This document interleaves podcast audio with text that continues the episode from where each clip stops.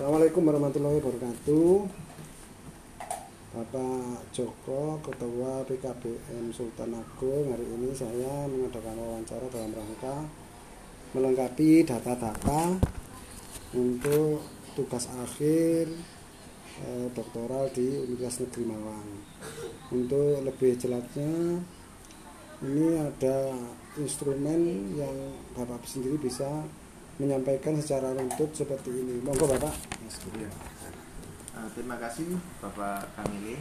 Di sini saya sebagai pelaku pendidikan luar sekolah atau pendidikan kesetaraan. Kebetulan di sini saya adalah ketua PKPM Sultan Agung. Di sini bahwa ada beberapa pertanyaan. Di situ bagaimana konsep diri warga belajar di pendidikan kesetaraan di Malang. Tentunya ini berbeda-beda warga belajar. Ini khususnya berarti di PKBM Sultan ya, Agung. Sangat berbeda-beda. Hmm. Tentunya di sini dengan latar belakang uh, saya sebutkan ada tiga ya. Di sini ada yang uh, putus sekolah, hmm. ada yang benar-benar uh, siswa tersebut memang belajar di situ, dan yang ketiga ini adalah uh, siswa pindahan hmm. atau mutasi. Di sini mereka punya uh, uh, perbedaan yang perbedaan masing-masing ya. Tentunya di sini uh, bagaimana mereka ini kalau reguler tentunya mereka uh, mudah diajari pembelajaran. Tetapi bagi yang uh, pindahan ini sangat sulit ya karena pertama mereka belajar di formal terus belajar di non formal, itu akan e, membutuhkan adaptasi tentang pembelajaran tersebut. Itu. Terus di sini baga apakah anda menemui warga belajar yang memiliki pandangan dengan sikap diri yang negatif? Tentunya di sini kalau di Sultan Agung tidak ada karena kalau masyarakat pandangan ada tapi kalau warga belajar tidak ada. Mereka pada umumnya Eh, pertama sebelum masuk ke PKBM Sultan Agung memang meremehkan. Di sini apa sih PKBM itu? Tetapi setelah masuk ke dalam di situ ada kegiatan-kegiatan yang positif. Mereka akhirnya ikut dan mau e, belajar di PKBM Sultan Agung. Terus e, bagaimana warga belajar memandang diri mereka sendiri sebagai orang yang menjalani pendidikan kesetaraan kalau di PKBM Sultan Agung sendiri uh, warga belajar ini pada dasarnya ada yang PD ya, dan ada yang tidak gitu ya. ada percaya diri yang tidak hmm. yang tidak percaya diri ini biasanya ini pindahan dari formal ya.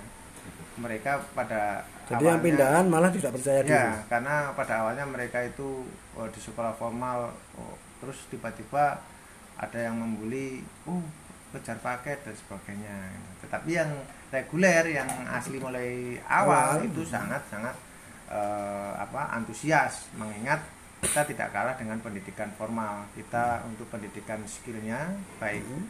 uh, desain grafis perbengkelan hmm. terus uh, tata busana itu tidak kalah dengan pendidikan formal hmm istilahnya sama dengan paket vokasi ya, SMK gitu ya. itu adalah ya. andalan dari uh, inovasi ya, ya. BKPM Sultan Agung. Hmm.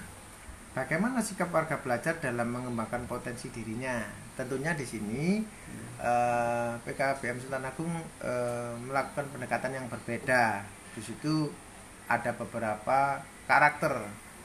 Jadi kalau mereka senang olahraga, kita uh, buatkan kelas olahraga. Kalau ada yang mereka senang bengkel, kita uh, buatkan kelas bengkel kalau mereka senang desain grafis kita buatkan uh, pelatihan grafis. komputer dan desain grafis begitupun dengan kegiatan tata busana tata busana menjahit tadi di sini uh, masuk ke PKPM Sultan Agung tentunya potensi diri mereka akan kelihatan mereka suka ekskul apa di situ akan dikembangkan ya, oleh PKPM. Ya. Hmm. Memang kita melakukan pendekatan di mana teori itu 10% 90% adalah praktek ya kita hmm. buat mereka jatuh kita dulu baru kita masuk dulu dengan teori tadi menurut anda bagaimana warga belajar menanggapi pandangan dan pendapat orang lain terhadap diri mereka ya kalau pandangan ini uh, pertama-tama mereka uh, nggak reken ya mereka nggak gitu? reken ya karena mereka berpandangan itu Fokus. kumpulannya arek nakal-nakal kumpulannya arek Hmm, Nah, iya, itu iya. tetapi setelah masuk ke dalam eh, mereka antusias sekali Hmm. bagaimana warga belajar bersosialisasi dan bersikap di depan orang lain tentunya di sini Lebih eh, percaya diri lebih atau- percaya diri di sini ya awalnya eh, kalau masyarakat menganggap itu adalah kumpulan-kumpulan anak putus sekolah kumpulan anak nakal ternyata tapi tidak setelah bersosialisasi tersebut eh, guru atau tutor di PKBM Sultan Agung itu eh, memberikan gaya atau memberikan moto di situ boleh eh, kita tampang preman tetapi hati kita tetap Hello Kitty gitu ya. Jadi Ah, sip, sip. ketika kita mengajarkan kesopanan ya masih walaupun Budi mereka ya? mereka pintar sundul langit tetapi kalau eh, mereka berani sama guru tidak akan kita luluskan Hmm. walaupun dia itu eh, nakal tetapi kalau sopan dan eh, beretika baik terhadap guru akan kita luluskan. Hmm. itu eh, di PKPM Agung seperti itu. Apakah mereka merasa diri mereka setara dengan orang lain?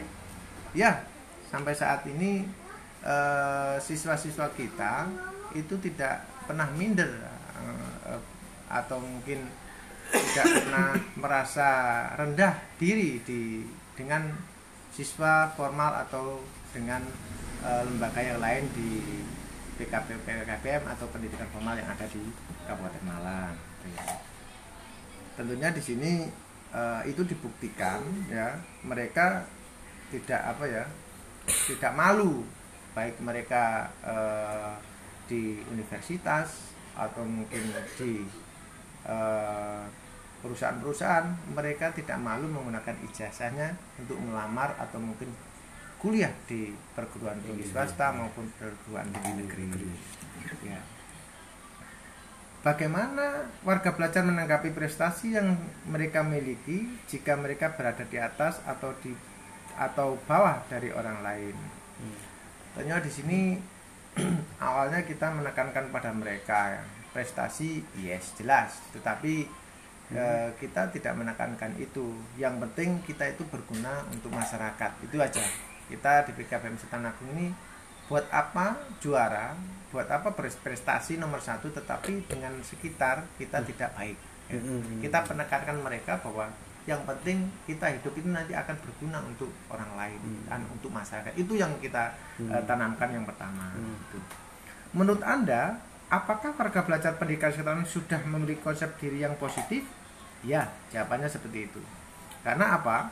Di sini awalnya yang mereka punya tato, awalnya mereka yang minum minuman keras, awalnya mereka yang eh, ikut geng motor itu bisa kita arahkan menjadi yang lebih baik. Tentunya kalau untuk kesetaraan paket B memang kesusahan ya karena mereka proses dari eh, eh, dari anak-anak menjadi remaja. Tetapi kalau sudah paket C ya kita tanamkan nilai-nilai kesopanan, nilai-nilai etika. Jadi di sini eh, konsep diri yang positif ini eh, kita tekankan mereka tentang kesopanan dan beretika yang baik di masyarakat. Bagaimana konsep diri positif yang perlu dimiliki warga belajar dan apa manfaatnya bagi mereka dalam menempuh pendidikan kesetaraan ini? Ya, eh, jauh-jauh hari hmm, sebelum mereka masuk ke PKBM Sultan Agung ini, eh, kita motivasi mereka bahwa sebenarnya eh, jangan merasa rendah diri, jangan merasa kita minder dengan formal. Tentunya eh, kita harus bisa membuktikan meskipun kita lulusan pendidikan non formal, meskipun kita sekolah di eh, pendidikan kesetaraan paket A, B, C, tentunya jangan pernah merasa rendah diri dan kita tidak akan kalah dengan eh, sekolah-sekolah yang lain. Hal itu dibuktikan banyak lulusan kita yang diterima di perusahaan-perusahaan itu. Dan sekarang kalau kita lihat perangkat-perangkat desa, kepala desa itu mayoritas adalah lulusan kejar C. oke, Ya. setelah.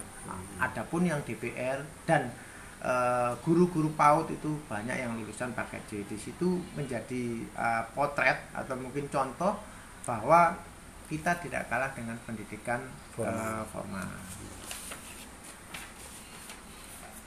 Strategi pengelolaan PKBM, bagaimana pelaksanaan pembelajaran untuk pendidikan kesetaraan di Kabupaten Malang sejauh ini?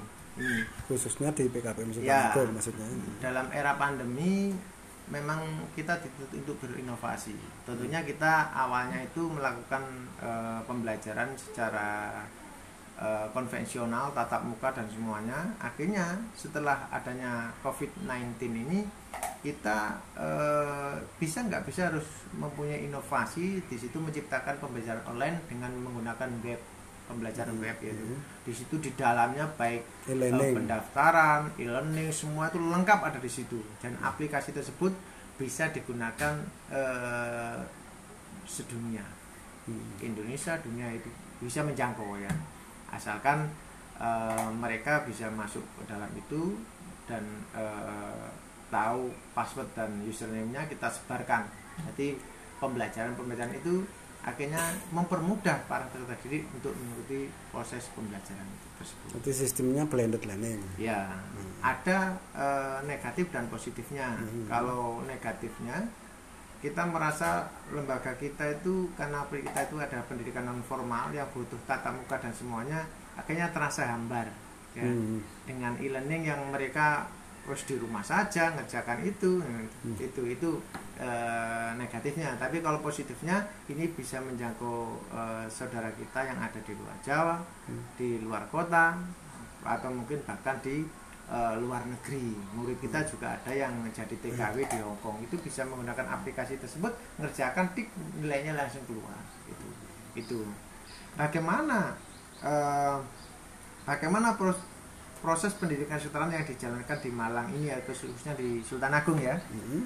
Eh, ini setelah ada kebijakan dari dinas pendidikan kita harus secara formal tentunya kita eh, mengaca pada formal tapi tentunya di sini eh, kalau ngaca secara formal kita masih apa ya masih belum siap. Karena apa? Eh, dengan sarana yang terbatas kita harus eh, mengikuti formal. Dan kurikulumnya dengan pendidikan formal. Ini sangat-sangat benar-benar merasa membebankan kepada kita sebagai pelaku pendid- eh, pelaku pendidikan luar sekolah di Kabupaten Malang khususnya di PKPM Sultan Agung. Kesediaan fasilitas dan sarana prasarana dari penyelenggara pendidikan secara Malang sejauh ini khususnya PKPM Sultan Agung ya Hmm. eh, di sini Ruang kelas, kantor, baik kantor maupun gedung kita sudah ada. milik sendiri. Ya, tentunya di sini kita melibatkan alumni untuk membangun sebuah lembaga tersebut. Jadi alumni-alumni yang berhasil tersebut itu kita buat semacam paguyuban Paguyuban, ya. hmm. Setiap tahunnya mereka menyumbang eh, tentang eh, wisuda, terus tentang sarana, ya kita buat mereka tidak hanya menyumbang uang tetapi menyumbang tentang eh, Tenaga. bangunan, tenaga. Kalau tenaga tidak ada, mungkin eh, Bangunan. bangunan, terus Material. pasir, semen, material itu ya. Hmm. Dan ada yang beberapa menyumbang tentang konsumsi. Hmm. Kalau yang uang biasanya mereka yang eh, kerja di luar negeri itu biasanya mereka menyumbang uang dan dengan pola transfer. Hmm. Dan keuangan itu kita kelola dan kita wujudkan, kita laporan-laporan itu kita sampaikan ke mereka yang nyumbang ini ini ini ini mereka akan senang dengan pelaporan tersebut. Apa saja kendala yang ditemui dalam pelaksanaan pendidikan kesetaraan di Kabupaten Malang? Ini kendalanya ya terkait adanya kebijakan dinas jika kita uh, memasukkan data harus di-approve dinas. Dan kita tahu sendiri bahwa peserta didik itu tidak bisa disamakan dengan formal yang daftarnya harus bulan Juli. Nggak bisa karena itu em, mereka heterogen karena mereka bermacam-macam. Ono sing mereka aku kerja nang kini daftar seperti itu. Kalau kita buat pengertian pokoknya masuk harus bulan Juli ya nggak bisa Nggak ini bisa. yang mengusutkan apalagi dengan approve peserta didik itu memasukkan peserta didik satu saja itu harus approve dinas ini Hmm. sangat uh, menyulitkan kami pelaku pendidikan di masyarakat Iya. ya mau sekarang mau gimana mau dapat siswa banyak gimana kan harus ke dinas satu Hmm. orang dinas bayangkan kalau misalnya yang di ujung eh, barat Kabupaten Malang harus membawa satu orang ke dinas pendidikan dengan itu kan sangat memberatkan sekali. Menurut saya itu kebijakan yang salah kebijakan yang ya bukan salah kebijakan yang kurang benar gitu ya. Bagaimana upaya yang dilakukan untuk mengatasi kendala tersebut? Ya yang pertama? yang pertama tentu kita juga melalui forum. Eh, forum kita juga memberikan eh, Masukan. masukan terhadap dinas pendidikan. Mohon pak kebijakan ini dipermudah di- sedikit dipermudah. dipermudah. Hmm. terus, terus janganlah nanti kalau apa sedikit-sedikit harus melalui bidang. Sedikit melalui bidang. Ini kan sama saja kita itu dibunuh oleh pendidikan formal tadi. Hmm. ini yang kita tekankan. Ya mudah-mudahan nanti dengan berkembangnya waktu dengan berkembangnya pola pikir itu akan berubah ke kebijakan tersebut Gitu. Bagaimana upaya adalah dan metode dari pihak PKBM dalam menyediakan pendidikan untuk meningkatkan konsep diri positif bagi warga pelajar? Metode jelas saya, saya jelaskan di awal tadi bahwa kita menyediakan beberapa eskul, kita juga menyediakan beberapa keterampilan yang mana nanti begitu lulusan lulus dari PKBM Sultan Agung itu mereka bisa berguna bagi masyarakat. Itu itu yang usia produktif Nah, di situ usia 15 sampai eh, 30 itu bisa ikut kegiatan tersebut dan mereka nanti begitu lulus dari itu bisa berwirausaha secara mandiri membuka las membuka tata busana membuka eh, eh, pengeperinan atau apa di situ kita sudah eh, siapkan itu untuk bekal mereka ketika mereka sudah keluar dari PKBM atau lulus dari PKBM Sultan Agung di sini. Apa saja strategi dan materi yang digunakan digunakan alam meningkatkan konsep diri positif bagi warga masyarakat. Di situ eh, yang pertama kita selalu eh, ke mereka itu kita setiap tahunnya kita, atau satu tahun dua kali kita melaksanakan yang namanya bakti sosial berusia bakti sosial itu eh, yang pertama kita eh, membersihkan tempat ibadah Hmm. Baik itu Hindu Hmm. baik itu Islam atau mungkin baik gereja atau itu kita kita membersihkan itu biar mereka ada nilai-nilai tentang plu- pluralisme di situ menghormati toleransi beragama terus kita juga buat iuran untuk menyantuni Anak eh, yatim. anak yatim itu sudah setahun kita anggain- adakan dua kali dan Hmm. kita santuni di mana kita melakukan bakti sosial tadi adalah para janda-janda yang Hmm. tua kita berikan sembako kita berikan eh, sedikit uang dan uang tersebut hasil dari eh, para warga belajar keseraan PKBM Sultan- Agung. Ini dengan tujuan mereka punya empati punya eh, rasa memiliki punya rasa eh, bahwa prihatin terhadap oh ini loh merasa seperti itu. Jadi di sini konsep yang diri kita tanamkan kepada mereka kita harus menolong sesama dan toleransi antar umat beragama Apakah pihak penyelenggara pendidikan menjalankan konseling atau bimbingan untuk warga belajar? Jika iya, bagaimana konseling atau bimbingan tersebut dijalankan? Hmm. Tentunya di sini eh, kalau untuk konseling kita tidak sama dengan formal ya. Jadi ini akan- pada prinsipnya menyelenggarakan ya kita gitu. menyelenggarakan. Cuma penyelenggaraan ini jauh dari eh, konseling yang seperti di formal. jadi istilahnya pendampingan Ya, kita melakukan belajar dan pendampingan pendampingan warga belajar berusaha di warga belajar itu ketika mereka tidak masuk, ketika mereka ada sesuatu kita adalah menjadi orang yang pertama mm, untuk eh, membantu memecahkan permasalahan mereka. Misalnya salah satu contoh kemarin ada salah satu orang em, eh, apa itu hamil di luar nikah. ya Terus yang laki-laki ketua tidak PKBM ikut bertanggung ya, jawab gitu yang laki-laki ya yang laki-laki tidak bertanggung jawab gitu Hmm. ya kita datangi mereka Hmm. kalau Membantu dia menyelesaikan. menyelesaikan jika mereka tidak eh, jika dia sebagai laki-laki tidak bertanggung jawab tentunya kita akan melaporkan ke polisi alhamdulillah dia sudah menikah sekarang dan punya anak Nah, itu karena itu- jasa ketua PKBM. itu bagian eh, contoh untuk konseling tadi. Hmm. Terus yang kedua, eh, ketika mereka eh, aktif atau mungkin dalam kegiatan geng motor atau mungkin penyalahgunaan narkotika narkotika, ya kita selalu mendatangkan eh, para para dari BNN untuk Hmm. menyelesaikan tersebut. Hmm. Nah, kita kasih sosialisasi mereka, oh seperti ini, seperti ini, seperti ini. Tetapi yang, yang sudah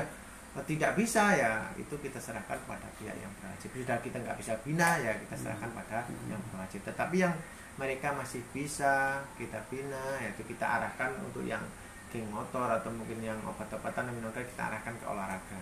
Jadi setelah kita kasihkan ke olahraga fisik nanti maghrib sudah tidur nggak mungkin keluar malam lagi. Itu dari kami.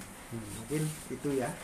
Kalau saya lihat tadi begitu bagusnya PKBM Sultan Agung sudah pernah menyerahkan PKK dan PKW tentunya mempunyai banyak kerjasama dengan instansi lain selain dinas pendidikan dan eh, iduka istilahnya. Iduka mana saja yang sudah bekerja sama dengan PKBM Sultan Agung? Ini terkait tata busana pak ya? Ya. Terkait tata busana itu eh, kita banyak bekerja sama. Tentunya di situ ada dua bank pak. Yang pertama bank Untuk mandiri. permodalan ya permodalan itu bank mandiri Hmm. yang kedua bank atau KSU Mitra Arta Sejahtera itu sebagai mitra permodalan Hmm. untuk eh, iduka kita menggandeng dua dua ya dua Lembaga. lembaga. di situ ada Baraka Label di desa Karangkates kecamatan Sumberpucung dan yang ke, yang dua itu eh, di Citra Dewiwan itu di Oke. daerah kecamatan Ngajun dan untuk UMKM kerjasama kita banyak Sekitar ada lima atau kalau dikumpulkan bisa 10 ada di situ ada mil modeste hijab nah itu kerjasama tentang pemasaran tentang eh, penyediaan ins- instruktur. Terus ada lagi Kiumi Collection itu juga tentang pemasaran dan tentang eh, magang. Terus ada lagi Dona Collection itu juga tentang pemasaran eh, penyediaan instruktur penyusunan kurikulum ya. Terus ada lagi eh, Zava Hijab ya. Galeri Zava itu ada di Kecamatan Wakir. Nah itu biasanya untuk pemagangan dan penyediaan instruktur itu ada. Dan ada eh, kerjasama yang baru kita juga ada studi rumahan tentang publikasi ada radio Audina tentang publikasi dan eh, pemasaran Hmm. produk-produk dari PKPM Sultan Agung tersebut. Hmm. itu banyak. Jadi di sini kita menggandeng UMKM Iduka nah itu. Agar mereka nanti itu begitu membuka usaha mereka untuk memasarkan tidak kesulitan dalam hal pemasaran tadi. Jadi eh, tentang penjualan itu mudah. Di samping kita juga menggandeng eh, pemasaran online ada Bukalapak yang kemarin itu Shopee. Nah itu kita jual aplikasi tersebut dan kita ada toko di sana tentang Shopee. Hmm. terus Blibli terus Bukalapak kita ada Sebelah. toko di sana. Itu adalah lulusan-lulusan dari program PKW dan PKK Hmm. ya tanpa kita koordinir mereka sudah buat sendiri. Tentunya di sini kita hanya bisa mendampingi dan memotivasi mereka Terima kasih Pak Joko. Sementara itu cukup. Jadi nanti kalau ada kekurangan nanti akan saya ke sini kembali dalam Ya, Pak. menggali potensi yang ada di PKPM Sultan Agung. Iya, iya. Terima kasih. Kami akhiri. Wassalamualaikum warahmatullahi wabarakatuh. Waalaikumsalam warahmatullahi wabarakatuh Ya. Assalamualaikum warahmatullahi wabarakatuh. Kami dari PKBM Sumberemu saya ketuanya Syahrial yang alamatnya di Kepanjen Kabupaten Malang. Ya. Untuk itu kita mulai dengan diskusinya Mm-mm. tentang bagaimana pendapat Anda mengenal konsep diri warga belajar di di PKPM pendidikan kesetaraan khususnya sekarang di khususnya PKPM Sumber Ilmu ya. Pada dasarnya warga belajar yang sini itu mempunyai berbagai macam masalah sehingga dia merasakan ada merasakan apa ya merasakan rendah lah. Rendah diri ya. rendah Betul. diri ketika dia akan kembali formal. Sehingga dia harus pindah ke PKBM PKBM atau non formal dia akan merasa nyaman karena di situlah dia banyak menemui kesamaan dari teman-temannya. Ya. Selanjutnya, apakah Anda memiliki warga belajar yang memiliki pe- pandangan sikap rendah diri, istilahnya negatif, konsep diri negatif gitu. Kalau warga belajar kami ya memang sebagian yang ada ya, sebagian ada yang seperti itu. Ya dikarenakan tadi ketika dia di formal dia akan putus gitu loh, dia berpunya masalah sehingga dia harus pindah ke PKBM dan di situ juga dia ada masih merasa minder gitu loh. Saya mampu nggak? Saya bisa nggak gitu untuk melaksanakan pembelajaran seperti yang dipikirkan dalam pikirannya seperti yang di formal ternyata kan ketika ke sini dia sudah berbeda model dan cara belajarnya itu bisa mengubah pola pola Pola pikirnya pikir. juga, ngono. Terus menurut Bapak Sarya, bagaimana warga belajar memandang diri mereka sendiri sebagai orang yang menjalani pendidikan kesetaraan? Kalau saya melihat dari warga belajar saya, ada sebagian yang bangga, dia siap untuk tampil ke depan, tapi ada juga yang merasa masih minder Hmm. karena merasa di kesetaraan itu masih nomor dua Hmm. untuk pendidikan pendidikan pendidikannya itu masih nomor dua dan nomor satu kayak kayak seperti formal kan. Gitu loh dia merasa minder ketika dia ketemu dengan teman-temannya. Kemudian begini, terus sikap warga belajar dalam mengembangkan potensi dirinya menurut Pak Sarya?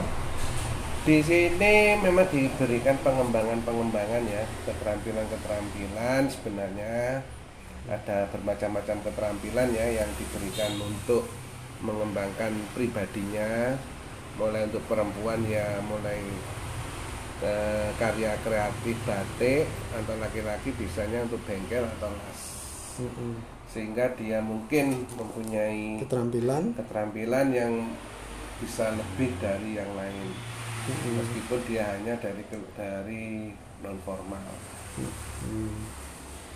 Terus dari sosial kemasyarakatan, bagaimana warga belajar menanggapi pandangan dan pendapat orang lain terhadap dirinya sendiri. Artinya dia berangkat, dia dirinya sendiri, orang lain mengatakan diri, memandang dirinya itu bagaimana gitu, masih menanggapi pendapat orang lain, cuek atau justru jadi pemicu atau justru menjadi support, nah, maksudnya gitu. iya ya kalau dari ceritanya dari warga belajar ya yang ketika dia di masyarakat ada yang memandang masih sebelah mata Hmm, kan hmm, dia merasa minder tapi ada juga yang mengatakan alah cuek aja wong saya sekolah sekolah nanti saya kuliah gitu hmm. untuk mengejar yang bayar-bayar lebih- sendiri, bayar istilah sendiri, gitu. waktu-waktu sendiri. Kan. bingung gitu. Iya, ada betul. yang bangga juga ada karena Terpaksaan.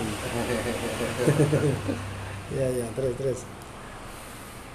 apalagi Kemudian bagaimana warga belajar bersosialisasi dan bersikap di depan orang lain. kalau menurut saya di sini itu wajar-wajar saja biasa saja kalau ketika dia di masyarakat itu tidak ada tidak ada apa namanya ya ke- Kesenjangan. kesenjangan Jadi merasa senasib seperjuangan di Iya, sini. di Tapi sini. akan tetapi maksudnya ber- ketika, Ketika bersosialisasi di masyarakat, kayaknya nggak ada masalah berarti nyantai-nyantai Nyantai aja, enjoy, enjoy saja. enjoy gitu. saja itu Hmm. nggak nggak anu. Terus bagaimana merasa diri mereka setara dengan orang lain? Apakah mereka merasa dirinya setara dengan orang lain? Yang pertama setara dalam arti mempunyai kewajiban yang sama, berhak mendapatkan pendidikan yang sama, terus punya kemampuan yang sama kalau memang mau belajar. Ya, kalau memang saya lihat seperti itu ya dari warga belajar kami sudah seperti itu. Dia memandang ala ngapain toh sekolah seperti itu? Sekolah seperti ini juga sama nanti akhirnya. Hmm. ilmunya juga Jasanya juga legal. ijazahnya juga legal juga dapat kuliah juga. Hmm. itu yang membuat mereka lebih percaya diri Hmm. Terus berapa persen yang kita melanjutkan sekolah? untuk melanjutkan sekuliah itu sekitar 25 persen Seperempat istilah Iya, gitu ya. seperempat lah seperempat dari Berarti benar mereka 25 persen merasa setara dan mempunyai hak yang sama hak yang dalam sama pendidikan. untuk pendidikan Kemudian menurut Bapak Saryal bagaimana warga belajar menanggapi prestasi yang mereka miliki jika mereka berada di atas atau di bawah orang lain. Yang pertama mungkin pada saat warga belajar ternyata memiliki kompetensi, memiliki prestasi dari bidang apa pun dari orang lain. Eh, kalau memandang prestasi orang lain dia itu kayaknya di kita itu kayaknya mereka itu biasa Terpacu. saja Nggak terpacu juga. Eh, biasa saja saya juga bisa gitu kadang Oh berarti memandang mereka juga bisa gitu Juga loh. bisa, gitu. Nah, artinya gini, saya orang seperti itu saya juga bisa berprinsip gitu. eh, kalau mereka makan nasi kita makan nasi, ki- mereka bisa kita juga bisa. Lah, Kan gitu loh, maksudnya maksudnya gitu, kayak- Nah, berarti bisa gitu. bisa gitu loh Nah, selanjutnya ini menurut Pak Saryal, apakah warga belajar pendidikan kesetaraan sudah memiliki konsep diri yang positif? Insya Allah mereka ketika kini itu ketika sudah masuk dia mulai belajar sudah masuk Mulai terdaftar. Hmm. itu dia sudah punya nilai positif Hmm. dalam Berarti dirinya sudah punya pandangan dirinya, pandangan dirinya sudah masa positif. depannya Masa sudah depannya positif. saya mampu Saya mampu dan saya bisa. saya bisa gitu loh dengan segala keterbatasan Iya, artinya gitu. betul. Kemudian bagaimana konsep diri positif yang dimiliki warga belajar yang Bapak Saryal tahu yang ada di sini. Konsep diri positif itu pandangan, dia mampu, dia anu. Apa saja yang menurut Pak Saryal? Eh, karena yang saat itu yang ketika dia sudah putus sekolah ya ada permasalahan itu dia kadang-kadang ada yang nyambi dengan usaha bekerja, bekerja bekerja dan berusaha. berusaha dan bekerja dia sehingga dia bangganya itu ketika dia punya sekolah lulusan meskipun paket C ataupun paket B tapi dia bangga oh saya bisa juga bekerja dan saya juga bisa main dan dia nanti konsep positifnya seperti itu Hmm. dia percaya dirinya oh saya juga bisa bekerja nanti ya sama saja nanti saya juga kuliah pun Sama saja. sama saja gitu. Kalau nasib mujur juga sama saja sama kan saja, gitu. gitu. Terus begini apa manfaatnya bagi mereka dalam menempuh pendidikan kesetaraan? Dalam arti warga pelajar sudah merasa bisa, merasa mampu, artinya merasa setara dan kalau orang lain bisa, kita bisa. Artinya mempunyai konsep diri yang positif. Terus apa manfaatnya bagi mereka yang menempuh pendidikan kesetaraan di PKBM Sumber Ilmu? Yang pertama yang mereka inginkan itu yang otomatis pertama ijazah. Hmm, Ijazah yang di mana dia bisa untuk meneruskan ke jenjang yang lebih tinggi hmm, untuk menggali potensinya yang lebih lagi. Misalkan untuk Meningkatkan lah, gitu. meningkatkan dirinya Hmm, itu prestasi sehingga dia hmm. yakinnya dengan di sini yakinnya itu karena nanti dengan ijazah itu saya sudah bisa untuk kuliah karena yang di sini yang yang rata-rata dari paket C itu sudah mampu dia dan punya kemampuan Hmm. dalam sisi pekerjaan keterampilan ya ilmu juga mampu ketika dia mau kuliah pun dia langsung mengikuti saja Mm-mm. Selanjutnya ini untuk strategi yang diterapkan oleh pengelola PKBM Sumber Ilmu yaitu Pak Satria bersama eh, pendidik dan pendidikan di sini. Yang pertama, bagaimana pelaksanaan pembelajaran untuk pendidikan kesetaraan di Kabupaten Malang sejauh ini, terutama dalam hari ini adalah di PKBM Sumber Ilmu. dengan di PKBM Sumber Ilmu sebenarnya kita mempermudah ya mempermudah model pembelajaran dengan perjanjian awal ya Kontrak belajar, kontrak belajar dari awal mau luring, mau daring, mau tatap muka ataupun Daring. ya. Hmm. jadi kalau tatap muka jadi kita hanya memberikan kesempatan mungkin seminggu dua kali Sabtu Minggu. Sabtu Minggu atau cuma Sabtu Minggu kadang-kadang Mhm. tapi ketika kita daring kita hampir empat hari seminggu tiap Kalau daring. daring Hmm. tapi lebih banyak sekarang dengan dengan teknologi dan kenyamanan mereka lebih mereka lebih memilih untuk daring Sudah pernah menerapkan sistem blended learning?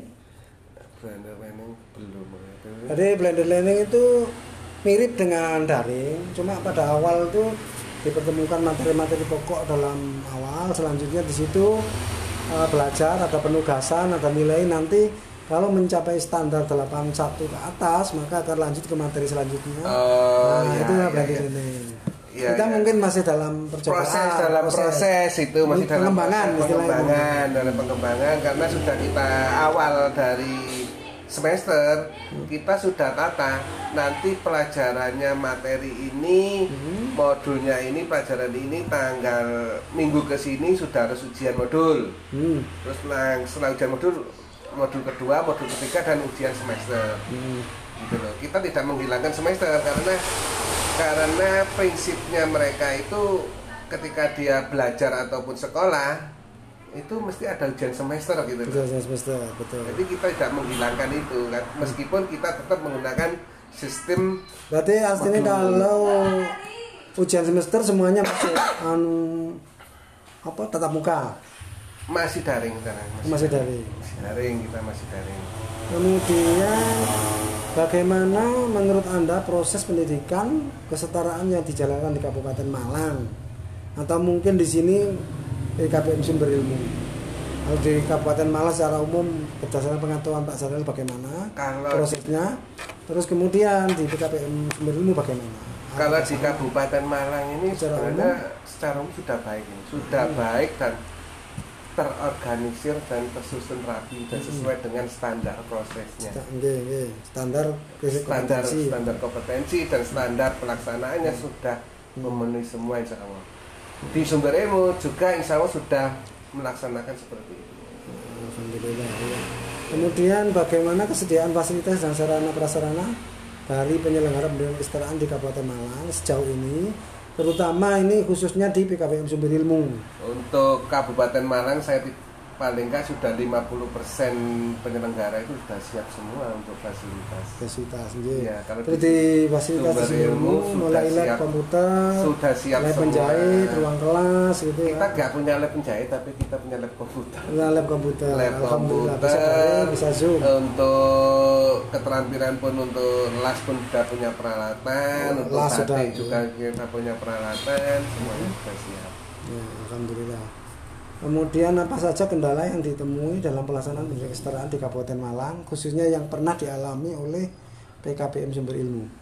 kendalanya sekarang itu banyak apa ya ketika ujian ketika ujian ya kalau Kabupaten Malang itu umumnya pas ujian itu pada waktu jam-jam kerja sehingga Hmm. banyak yang bentrok Nah, nah, kalau sumber ilmu ketika tidak ada masalah apa pun tidak terjadi permasalahan apa-apa kita hanya mengikuti apa yang dimaunya warga belajar Hmm. jadi kita mengurangi lah resiko apa pun tapi tetap proses belajar terlaksana Hmm.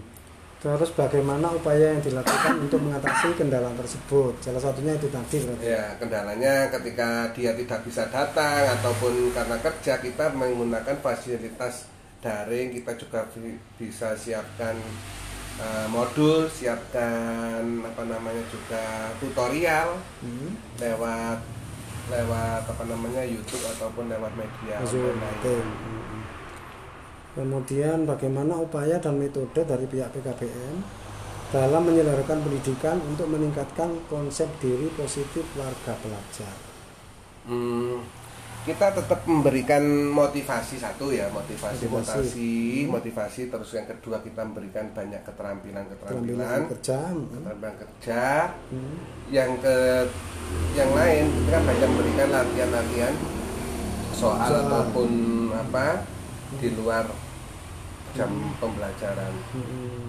untuk menyiapkan kemampuan mereka itu bisa setara dengan sekolah formal setidaknya tidak kalah gitu tidak kalah lah Hmm. Kemudian apa saja strategi dan materi yang digunakan eh, digunakan untuk meningkatkan konsep diri positif bagi warga belajar.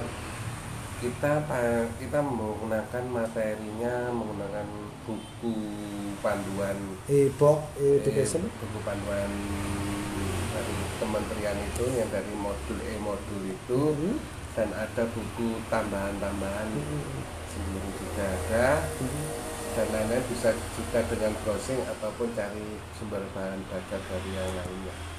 Terus ada nggak buku-buku yang khusus dalam rangka memotivasi diri, semacam buku bimbingan konseling atau buku-buku yang hubungannya dalam rangka meningkatkan motivasi diri untuk buku-buku untuk meningkatkan motivasi diri atau mungkin video ya se- sering kita juga memberikan ya sering memberikan motivasi itu lewat Video. sharing video gitu ya Hmm. lewat kadang-kadang lewat permainan game atau juga itu kan Hmm.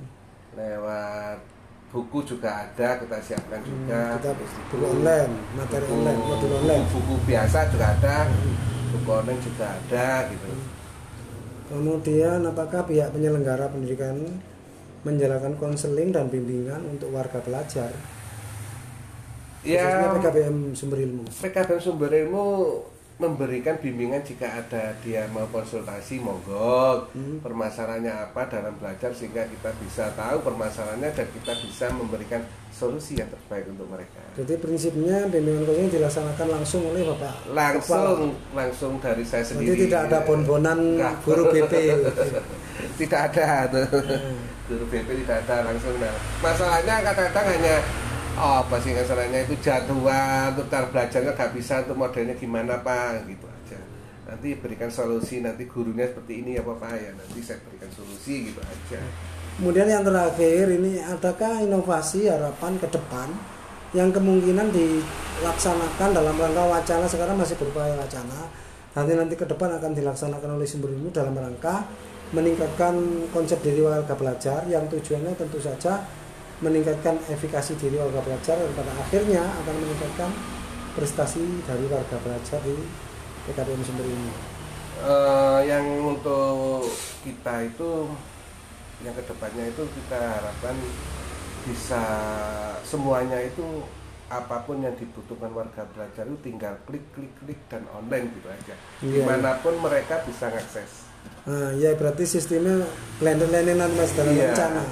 jadi rencana kami seperti itu jadi di mana pun mereka Mhm. warga belajar ketika kalau daftar setelah daftar Hmm. mengisi kontrak belajar, terus mengatur jadwal, membentuk kelompok belajar, silakan ke mana pun nanti tinggal klik klik dan itu aja sudah bisa melaksanakan pembelajaran Iya. dan semuanya sudah ada di situ untuk meningkatkan kompetensi dirinya, untuk meningkatkan keterampilannya. Mm-mm. Kita siapkan nanti tinggal konsultasi bisa menghubungi guru tutornya atau menghubungi kepala ketua PKBM-nya untuk permasalahan apa, untuk apa bisa untuk memberikan solusi yang terbaik. Hmm. Terima kasih. Saya pikir sementara cukup. Nanti kalau ada kekurangan data, saya akan melakukan via telepon atau via WA kepada Pak Saryal selaku Ketua PKBM Sumber Ilmu. Itu saja Bapak. Kami akhiri dulu. Assalamualaikum warahmatullahi wabarakatuh. Waalaikumsalam warahmatullahi wabarakatuh. Assalamualaikum warahmatullahi wabarakatuh. Waalaikumsalam warahmatullahi wabarakatuh. Hari ini saya bersama Bapak Ketua PKBM Swastika dalam rangka menggali informasi untuk mengambil data untuk penelitian kualitatif mengenai konsep diri warga belajar di PKBM Swastika Kecamatan Karangploso Kabupaten Malang. Yang pertama ini mengenai konsep diri warga belajar pendidikan kesetaraan di Kabupaten Malang khususnya di PKBM Swastika. Bagaimana pendapat Anda mengenai konsep diri warga belajar di pendidikan kesetaraan di Malang khususnya di PKBM Swastika?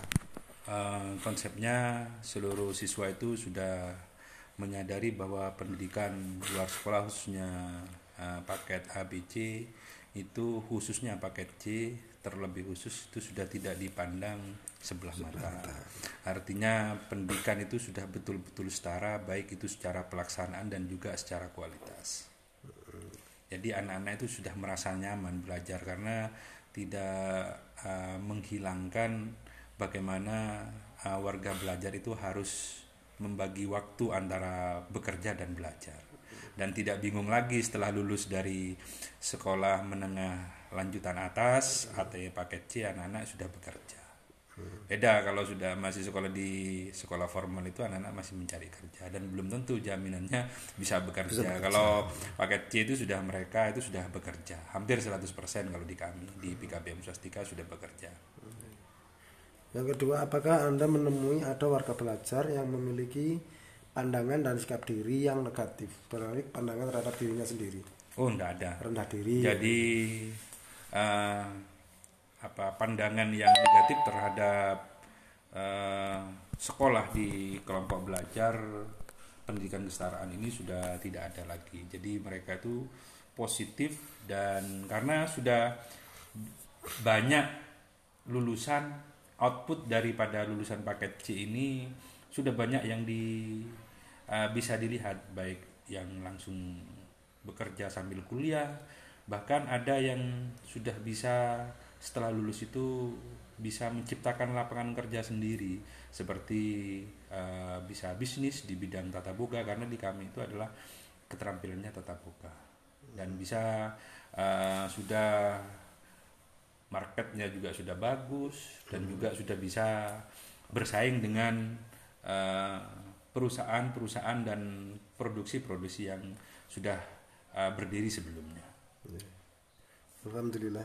Jadi menurut Pak Ridwan, bagaimana warga belajar memandang dirinya sendiri sebagai orang yang menjalani pendidikan kesetaraan?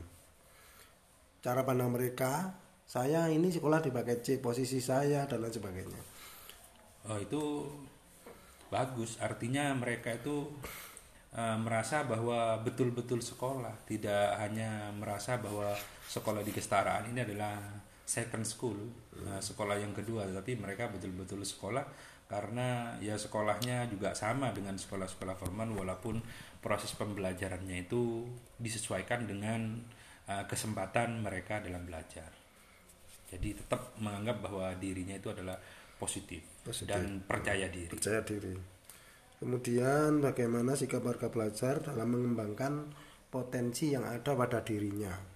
Oh iya, Ah, di pendidikan kesetaraan ini berbeda dengan pendidikan non formal, pendidikan formal. Perbedaannya karena sekolah sambil bekerja dan sekolah sambil kuliah. Istilahnya kalau di pendidikan formal itu ah, anak-anak itu kan ah, pada teoritis, tapi kalau di pendidikan non formal anak itu pada praktis. Jadi anak sambil bekerja, anak sambil berwirausaha. Jadi anak-anak itu merasa senang. Kemudian ini mengenai social self concept. Menurut Bapak Ridwan, bagaimana warga belajar menanggapi pandangan dan pendapat orang lain terhadap diri mereka sendiri?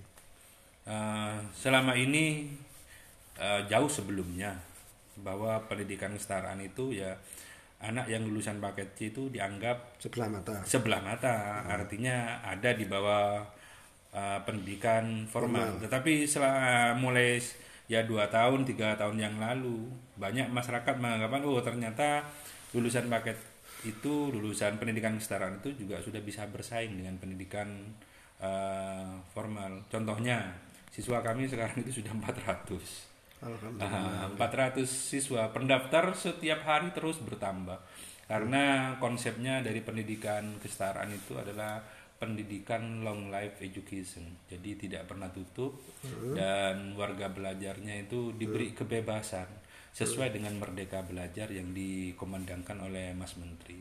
Jadi tidak terbatas belajarnya. Oke.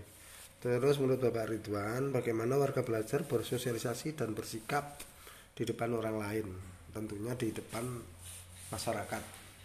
Eh, tetap eh, walaupun pendidikan kesetaraan itu kita itu mengutamakan pendidikan karakter. Eh, pendidikan karakter itu di dalamnya juga ada namanya bagaimana anak itu bersosial dengan lingkungannya. Jadi supaya anggapan dari masyarakat oh ternyata walaupun lulusan paket mereka itu mempunyai uh, nilai-nilai sosial dan budi pekerti yang baik. Uh, di kami di lembaga kami jangan sampai ada siswa yang melanggar norma. Itu tetap ada tindakan karena memang ada aturan, ada uh, regulasi bagaimana walaupun siswa itu non formal setelah masuk di lembaga kami itu mereka itu kalau seumpamanya sebelum sekolah itu mempunyai sifat yang kurang baik jadi harus berubah sesuai dengan aturan yang ada di lembaga supaya ada anggapan image positif dari masyarakat di sekitar kita. Terus apakah warga belajar merasa diri mereka setara dengan orang lain? Oh, setara dan tidak setaranya itu tergantung pada output dan inputnya siswa. Selama ini uh, siswa yang sekolah di kami itu dari kompetensinya cukup luar biasa karena tidak ada yang nganggur. Uh, di antara Semuanya kami bekerja. semuanya bekerja. Bahkan ada yang bisa masuk di TNI, ada yang masuk di Polri, ada masuk di pegawai negeri sipil, bahkan ada juga yang masuk di aparat desa. Jadi semua lulusan paket itu alhamdulillah selama ini Berlaku itu keras. berlaku keras. Dan alhamdulillah selama ini tidak ada lulusan bahkan siswa paket itu yang berbuat negatif selama jadi siswa karena itu adalah diwanti-wanti oleh kami. Tidak ada Pak memang Pak. Di antara paket C semuanya oh paket C ini anu berbuat ah, moral Benar. contohnya mabuk dan tidak ada tidak pernah ada. Dan, dan, jangan itu sampai terjadi. Nanti itu tetap ada tindakan dari lembaga. Menurut Bapak Ridwan, bagaimana warga belajar menanggapi prestasi yang dimiliki jika mereka berada di atas atau di bawah orang lain? oke. Eh, yang pasti kalau mereka itu ada di atas ya tidak boleh lupa Cuma bahwa lah. dirinya itu adalah tetap manusia. Eh, di lembaga kami kemarin itu eh, siswa itu dapat juara satu di Kampung Kapi. Uh, yang digagas oleh Kampung Kapi rata-rata lulusan ya siswanya ya dari kami. Jadi semuanya itu juara satu tingkat kabupaten siswanya. Nah tetapi walaupun bagaimana siswa itu tetap harus menyadari bahwa prestasi itu bukan hanya bersifat normatif. Artinya angka saja tapi harus bersifat praktis. Jadi setelah dia dapat eh, juara jadi harus bisa mengaplikasikan dalam kehidupan sehari-hari. Nah, kalau umpamanya bagaimana yang belum berprestasi ya kami memotivasi supaya mereka itu berprestasi. Baik prestasi itu kan tidak hanya tertulis, ada prestasi itu ya di lingkungannya, lingkungan siswa paling kecil ya minimal harus bisa memberi contoh kebaikan pada lingkungan sekitarnya. Kemudian apakah warga belajar pendidikan kesetaraan sudah memiliki konsep diri positif khususnya di PKBM swastika? Alhamdulillah sudah Eh, bisa dilihat dari siswa-siswa yang eh, ikut ujian itu dari yang terdaftar 92 ya ikut 92 paket B. Kemudian paket B yang terdaftar 22 ya ikut 22. Jadi mereka itu sudah merasa dirinya eh, setelah lulus itu ada nilai plus, nilai positifnya. Terus bagaimana konsep diri positif yang perlu dimiliki warga belajar dan apa manfaatnya bagi mereka dalam menempuh pendidikan kesetaraan itu? Eh, ya di kami itu tetap yang namanya warga belajar atau peserta didik itu kan membutuhkan bimbingan, arahan. Jadi namanya pendidikan budi pekerti dan pendidikan karakter itu memang harus ditingkatkan dan memang sebagai seorang pendidik tutor itu harus bisa mengarahkan. Jadi tidak ada sebagian siswa yang bisa nalar, tapi ada yang perlu bimbingan dari dari kita semuanya. Terus ini mengenai strategi pengelola PKBM. Bagaimana pelaksanaan pembelajaran untuk pendidikan kesetaraan di Kabupaten Malang sejauh ini, khususnya di PKBM swastika? Alhamdulillah berjalan lancar selama dua tahun ini mulai 2019 bulan Maret kami melaksanakan full daring. Daring baik itu melalui Google Meet, melalui Google Form dan melalui WA. Jadi tetap sesuai dengan instruksi pemerintah bahwa kita tetap melaksanakan pembelajaran dan alhamdulillah dari jumlah siswa itu hampir 99% mengikuti dengan baik. Alhamdulillah. Terus bagaimana proses pendidikan kesetaraan yang dijalankan di Malang, khususnya di swastika, Eh, proses pendidikan? pembelajarannya ya, Pak. Iya, iya. Ya. Ya alhamdulillah sesuai dengan eh, standar delapan standar. pendidikan. Delapan sesuai dengan delapan standar. Walaupun pendidikan kesetaraan setara dengan formal tetap kita akan mempunyai SOP kan. Standar minimum pelaksanaan. Nah, yaitu ada delapan standar pendidikan itu yang kita jalankan. Sesuai itu ya termasuk ada standar pelayanan minimalnya ya kita terapkan untuk kita dan untuk siswa baik itu diterapkan oleh pengelola maupun tutor. Terus bagaimana kesediaan fasilitas sarana sarana dari penyelenggara pendidikan kesetaraan di Malang selama ini khususnya di PKPN swastika? Eh, memang di sini yang eh, kami garis bawahi bahwa fasilitas yang ada di lembaga kami itu bisa dikatakan masih belum mumpuni. Eh, bagaimana mengantisipasi kita kolaborasi dengan sekolah formal. Kami kolaborasi dengan sekolah SMA Islam, kemudian kami kolaborasi dengan SD, N 2 dan SDN N 4. Nah, jadi mereka itu kami pinjami eh, pinjam sarana dan prasarana karena jumlah siswanya itu tidak anu sangat banyak. Alhamdulillah 400 siswa. Ada 10 rombel. Oh, Alhamdulillah. 10 rombel.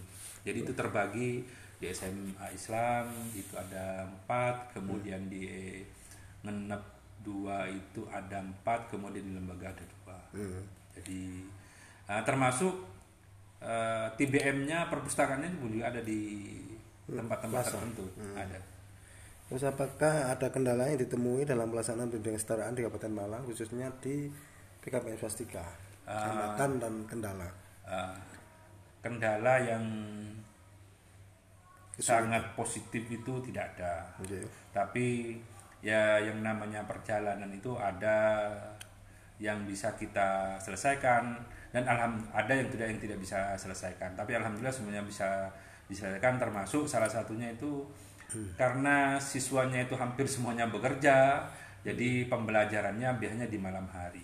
Nah, nyampe di rumah warga belajarnya kadang-kadang nggak bisa ikut daring karena sudah capek. Nah, termasuk menyampaikan tugas juga begitu. Jadi tidak bisa serta merta langsung ditunggu selama satu kali 24 jam bisa tiga kali 24 jam. Tapi di sini adalah ujian kesabaran bagi pendidik dan tutor. Jadi itu hambatan yang paling utama di situ. Kalau yang lain-lain saya pikir tidak ada masalah.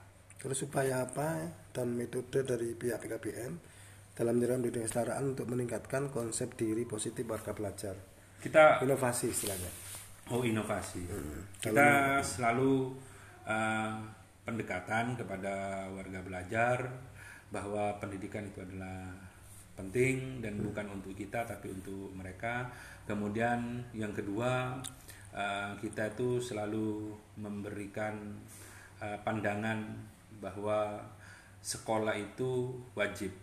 Karena setelah lulus nanti mereka itu sangat dibutuhkan oleh masyarakat. Yang tak kalah pentingnya kita itu selalu mengadakan keterampilan untuk mempersiapkan masa depan mereka uh, terhadap uh, dunia yang semakin hari ini semakin maju. Yang paling penting dari uh, metode dan strategi yang telah kami laksanakan itu adalah kita bekerja sama dengan tutor supaya siswa itu mempunyai satu keterampilan atau kompetensi yang dimiliki. Salah satunya di sini ada eh, menari eh, kemudian ada eh, MC dan sebagainya. Jadi anak-anak merasa termotivasi dengan metode-metode yang seperti itu. Apakah di PKTM swastika menjalankan pendidikan konseling dan bimbingan untuk warga belajar? Ya, eh, di kami juga ada bimbingan konseling karena supaya siswa atau peserta didik kami tidak keluar dari rel pendidikan dan delapan standar pendidikan itu untuk membentengi mereka dari hal-hal yang tidak diinginkan. Eh, tetap pendidikan budi pekerti itu adalah sebagai jurus utama dari eh, khususan pendidikan di Indonesia, khususnya di lembaga kami. Terima kasih itu saya sementara cukup. Suatu saat nanti saya kalau ada kekurangan nanti akan ke sini lagi untuk mencari data ke PKBM Swastika. Ya, Terima kasih. Kami akhiri. Wassalamualaikum warahmatullahi wabarakatuh. Waalaikumsalam warahmatullahi wabarakatuh.